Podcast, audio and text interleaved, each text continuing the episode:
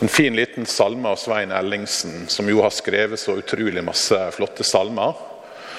Og Det som er tema i denne salmen, er jo det som er tema i gudstjenesten i dag også. Vi kaller denne søndagen for høstens påskedag. Fordi En søndag på høsten så har fokuset alltid vært tekster om oppstandelsen. Og Derfor skal vi jo få synge noen kjente påskesalmer eh, i løpet av denne gudstjenesten her nå også. Men dette med død og oppståe, dette med livets alvor Jeg har nok tenkt mer på døden i det siste enn jeg har gjort på lenge. Og Noen tenker kanskje det har noe med alderen å gjøre, og jeg tror kanskje det har litt rett i det. Jeg tror til eldre du blir, til litt mer fokus, eller litt mer alvorlig blir det jo. At det kanskje ikke er så lenge igjen. Det hadde nok også litt med at vi hadde 50-års konfirmanttreff her for en stund siden, der jeg var 50-års konfirmant og der vi måtte minnes sju av de som gikk i klassen som ikke lenger lever. Nå har vi nettopp døypt Noris og Emrik. Og for dem så ser jo, vi håper jo at livet skal bli langt. Og Jeg tenkte jo i min ungdom at livet er kjempelangt. Og så plutselig så kommer du til en fase av livet der du tenker ja, livet er jo egentlig ikke så langt når alt kommer til alt. Um, jeg vet ikke om dere husker Steinar Lem som døde av kreft. Kona hans, Gunhild Lem, hun eh, skrev, skrev, en god del om dette og har skrevet en blogg. Han døde i 2009, og da hun har skrevet mye om følelser og savn og sorg. og alt dette her. Og Så skrev hun en setning som jeg beit meg merke i. Den beste trøsten jeg har fått, er denne setningen. Vi skal ikke være her så lenge, noen av oss. Det var den beste setninga hun fikk. Vi skal ikke være her så lenge, noen av oss egentlig. Og Kanskje det er et perspektiv som kan være greit å ta med oss. Eh, vi skal ikke være her så lenge. Jeg tror ikke vi snakker noe særlig om døden. Kanskje er det et tema vi unngår. La oss snakke om noe mer hyggelig. Eh, om fotball og andre ting, eller hva det måtte være. Så er det litt sjelden vi virkelig stopper opp og reflektere over at dette livet faktisk slutter. Gudstjenestene er på en måte en hjelp, fordi nesten i hver gudstjeneste her så reiser vi oss og så minnes vi noen i bygda som vi har gravlagd i løpet av den veka som har gått. Og Så kommer du til gudstjeneste hver søndag, og så blir du egentlig minnet på ja, livet er ikke så langt.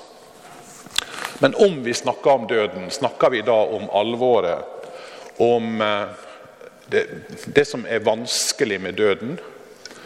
Anders Johansen, eh, som er, så langt jeg fant ut, professor i Bergen, på Universitetet i Bergen. Han skrev mange bøker, men han har skrevet denne for en del år siden, som heter 'Etter oss'. Som er samtaler med en fetter som heter Rolf, som snart skulle dø.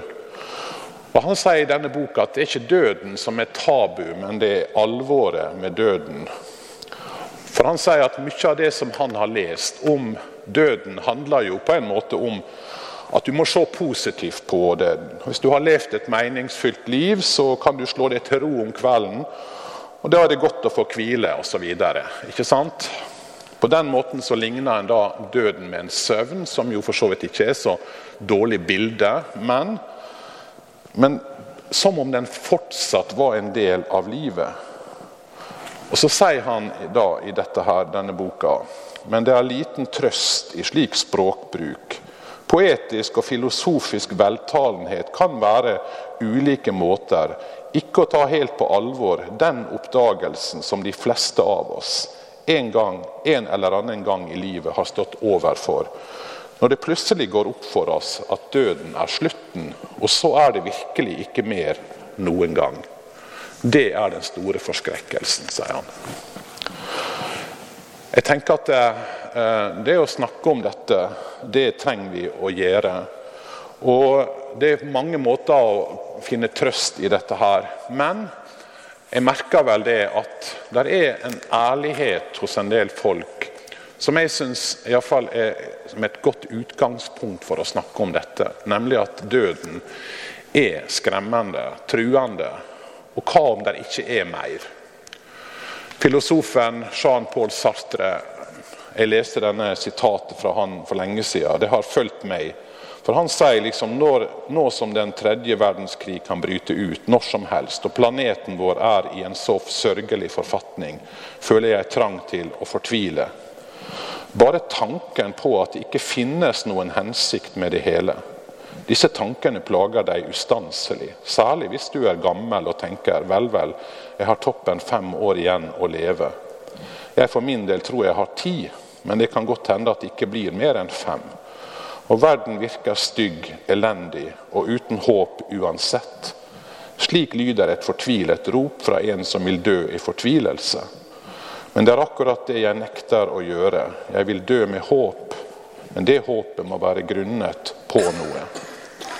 Så døde Jean-Paul Sartre en måned etter han skrev dette her. Jeg vil dø med håp. Jeg fortviler over at det er ikke mer. Det er en ærlighet hos denne store filosofen til å snakke om disse vanskelige tingene. Jeg tror det er en ærlighet som vi mennesker trenger, enten vi mener det ene eller det andre. At vi kan snakke om også dette her. Ted DeMoss leste jeg en bok av. Han fortalte om en venn av seg som heter John Herman. John Herman er en advokat med flere doktorgrader. Han hadde én stor drøm i livet. og Det var å få møte denne berømte forsvarsadvokaten Clarence Darrow, som han beundra enormt høyt. Og Mot slutten av livet sitt så fikk han møte Clarence Darrow. Og De satt i stua hos Darrow, og John Herman spurte han, nå når du har oppnådd så mye og nådd så langt i livet, hvordan vil du oppsummere livet ditt? Og så Uten å si noe så gikk Clarence Darrow bort til et bord og så tok han fram et Nytestamente. Og John Herman ble forskrekka, for han visste jo at Clarence Darrow var aldri trodd på noe i Bibelen. Eller han var en kjent ateist. Og Han hadde jo offentlig forakta og spotta både Gud og Bibelen. Eh, men så sier han dette verset beskriver livet mitt. Og så leser han fra Lukas 5,5. Og Det er fortellinga når Peter og de andre har vært ute og fiska. Og det verset lyder slik Vi har streva hele natta og fått ingenting.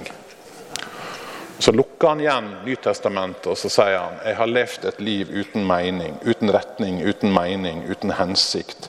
Jeg veit ikke hvor jeg har kommet fra, og jeg veit ikke hva jeg gjør her i verden. Og verst av alt, jeg veit ikke hva som vil skje med meg når jeg må dra herfra. Så hvem kan jo da gi oss noen svar? Er det slik at ja, ja, du har dine svar, og jeg har mine? Dine tanker er like gode, mine funderinger er like gode som dine. Den eneste som jeg tenker kunne ha gitt oss et svar med mening, det måtte være en som sjøl hadde vært gjennom døden. Er dere med på den tanken? Den eneste som kunne sagt noe virkelig, noe sant, måtte jo være en som sjøl hadde opplevd døden. Og Da snakker jeg ikke om nær døden, opplevelser. fordi det er jo det som ordet sier. Det er nær døden-opplevelser. En har ikke vært helt død, en er vært nær. Så kan noen hjelpe oss. Og det her jeg tenker for meg Den eneste som kan gi meg noe hjelp, og noe retning, noen svar, det er Jesus som jo har vært gjennom død og grav. Så det han sier, skulle ikke det være interessant for oss hvis vi snakker om døden, og hvis vi tenker på døden og hva kommer etterpå? Bibelen taler livets ord inn i dødens verden. I Filippa-brevet, som er dagens preiketekst, og som vi skal lese nå, så skriver Paulus litt om dette her. Her er teksten for dagen. Min lengt og mitt håp er at jeg ikke skal bli til skamme på noe vis, men at Kristus, nå som alltid, skal opphøyes for øynene på alle ved min kropp, enten det blir liv eller død. Å leve er for meg Kristus, og å dø er ei vinning. Men om jeg får være i live, kan jeg gjøre et arbeid som bærer frukt, og da veit jeg ikke hva jeg skulle velge. Jeg er dregen til begge sider. Jeg har denne lengten etter å bryte opp og være sammen med Kristus, for det er så mye, mye bedre. Men for dykkers skyld er det nødsynt at jeg får leve videre. Og fordi jeg er viss på dette, veit jeg at jeg skal få leve, ja, bli værende hjå dykk alle, og hjelpe dykk til framgang og glede i trua. Da skal dere få rikelig grunn til å være glade og stolte i Kristus Jesus for min skyld, når jeg på nytt kommer til dykk. Paulus skriver dette her, så er han i fengsel. Han er sitter i Roma. Eh, han er eh, blitt tatt til fange, og han vet ikke når han skriver dette brevet, hvordan det skal ende. Om han blir drept, eller om han blir satt fri. I dette fangenskapet så skriver han jo flere av brevene, bl.a. dette Filippa-brevet som jo er et brev fullt av glede, fullt av håp. Fullt av takknemlighet der han sitter fanga. Det ender jo med at han blir drept, som dere vet, i Roma. Men hans perspektiv på døden og dette livet syns jeg er ganske utrolig. Fordi han sier ikke at ja nei, jeg vil bare vekk fra dette her. Jeg sitter her i et fangehull. La meg heller dø og bli ferdig med det. Eh, la oss komme oss vekk fra problemer og vansker. Men han sier heller ikke at jeg må gjøre mest mulig ut av livet. ikke sant? Det livet jeg har fordi døden er slutten på alt. Nei, han klarer å holde fast på to tanker samtidig. Han sier det er viktig å leve. Det er viktig å leve, og det er viktig å leve et liv for andre. For det er det som er perspektivet hans. Ja, hvis det var bare opp til meg sjøl, så kanskje det hadde vært mye bedre. Men for deres skyld, sier han, så vil jeg leve. Fordi jeg vil hjelpe dere til glede og til framgang. Det perspektivet er et kristen perspektiv. At det livet er en gave. Det er godt. Vi skal glede oss over det, og vi skal bruke det for andre. Men han sier samtidig heller ikke at det, ja, ja, det kan jeg helt fram til døden kommer, for da er alt slutt. Nei, den åpner bare porten til et liv som er enda bedre, sier han. Der det ikke lenger er sorg, der det ikke er skrik eller smerte, der det som før var, er borte.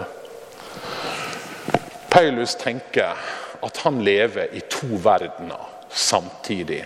Og Det er litt vanskelig for oss å forstå, men han tenker jeg lever i denne verden og så lever jeg samtidig i den usynlige verden, i Guds rike, som allerede er kommet med Jesus Kristus. Og Det er berøringspunkter mellom den synlige verden og den usynlige som gir dette livet mening og retning. Vi er så vant til å tenke i tidshorisont. ikke sant? Noe skjer før det andre, og så skjer det osv. Vi tenker lineært i tida.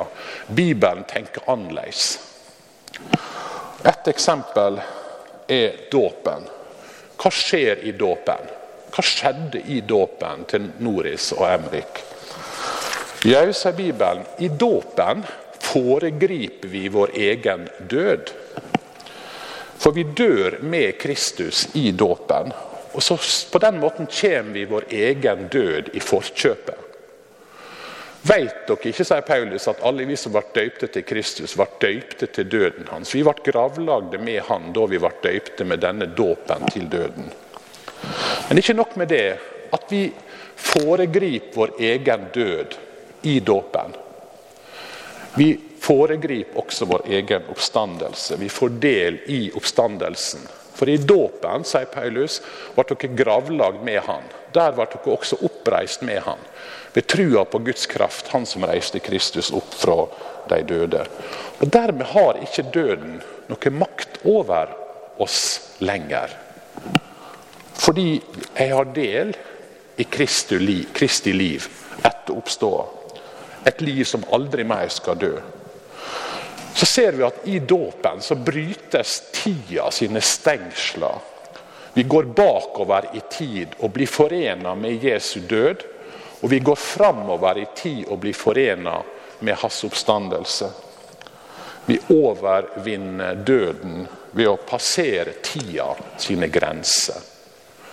Og Det er det som er spennende med kristendommen. At det er ikke bare en sånn historie om ting, men det er en åndelig virkelighet som berører denne virkeligheten på en måte som er helt annerledes enn vi ofte tenker. Paulus lever i to verdener.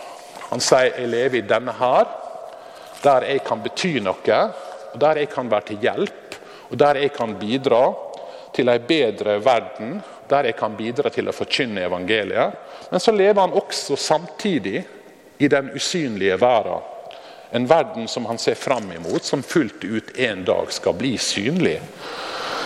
Som når Gud skal nyskape og gjenskape sitt skaperverk. En eh, professor og biskop og teolog som jeg tror både Vidar og jeg har lest masse av. Han siterer han stadig vekk. Han henter N.T. Wright. Han sier om dette her at eh, vi er skapt til åndelighet, sier han, men vi vader i selvbeskuelse. Vi er skapt til glede, men slår oss til ro med nytelser. Vi er skapt til rettferdighet, men roper etter hevn. Vi er skapt til forhold, men vi insisterer på vår egen vei. Vi er skapt til skjønnhet, men er fornøyd med sentimentaliteter. Og så fortsetter han. Men den nye skapelsen har begynt, sier han. Solen har begynt å stå opp. Kristne kalles til å etterlate i Jesu Kristi grav alt det som hører til det ødelagte og ufullstendige ved den nåværende verden. Det er på tide, i kraft av Ånden, å ta opp vår sanne rolle, vår fulle menneskelige rolle, som redskaper, budbringere og forvaltere av den nye dagen som gryr. Det, ganske enkelt, er hva det betyr å være en kristen. Å følge Jesus inn i den nye verden, Guds verden som han har åpnet på vidt gap for oss. Det er det Gud kaller oss til, sånn som Paulus sier. Å leve i denne verden som Gud nå har åpna opp for oss, Guds rike. Og Slik sett så har jo trua jeg vil si sjelden vært ei sovepute. Tvert imot. Det har vært en kraft til å gå inn og si jeg vil være med å forandre denne verden. Jeg vil være med å bidra. Jeg vil skape glede og framgang. Og Vi har høsttakkefest her, og den har vi i kirka feira fra 1800-tallet. Fordi en hele veien har vært takknemlig til Gud for den naturen. Og så har en tenkt vi skal forvalte den. Fordi det er Gud som har gitt oss den. Nettopp det at jeg slipper å tenke at dette livet er alt jeg har, og jeg må få mest mulig ut av det, så gir det en enorm frihet til å tenke nei, dette livet er ikke alt. Jeg kan bruke kreftene mine og pengene mine og det jeg måtte ha, for andre mennesker. Når en leser om kristne som har betydd noe, så har de hatt akkurat denne holdninga. Martin Luther King jr. Jeg var på, i Atlanta for noen, år, noen år siden. Gikk der på dette området og museet og fikk høre om livet hans på nytt og leste en biografi etterpå. Det er fantastisk å se hva han betydde. Men han hadde dette perspektivet. Dette livet er ikke alt, derfor kan jeg gjøre det som også er farlig som er utfordrende, som er krevende. Han sier vi trenger ikke å delta i det vanvittige kappløpet etter å kjøpe seg jordisk beskyttelse. Gud er vårt evige tilfluktssted. Og mennesket er for Jesus ikke bare vrakgods som driver på livets elv, men det er Guds barn. Han hadde et sterkt håp, en sterk visshet om at dette var ikke alt. Og Derfor kunne han stå på i kampen. Han hadde et tilfluktssted hos Gud. Og Det er det jeg opplever når jeg leser Paulus med. Han er trygg. Enten det nå går sånn eller sånn, sier han. Å leve, det er Kristus. Døden, det er ei vinning. Det ga håp og det ga styrke i en verden full av utfordringer og vanskeligheter. Martin Luther King han døde jo da han var 39 år. Det er jo ikke et langt liv. Men han levde hele sitt liv. På en annen måte så var det ikke alt. For på hans gravstein så står det um, Free at last, free at last. Thank God Almighty, I'm free at last. For meg, sier Paulus, er det å leve, det er Kristus. Det er å kunne være til fram, hjelpe dere til framgang og glede i trua. Men døden, det er en vinning. For da er jeg virkelig fri. Da er jeg virkelig hjemme. Da er jeg der jeg er skapt til, i fellesskap med Gud. La oss be. Gud, i møte med døden så har vi så mange tanker og spørsmål. Jeg ber at du, som er den eneste som har gått gjennom liv og grav og død, da får komme til oss med ditt håp, med din trøst når vi sørger, og med din tanke om det livet som du har skapt oss til, og som du har åpna på vidt gap for oss, ditt rike. Amen.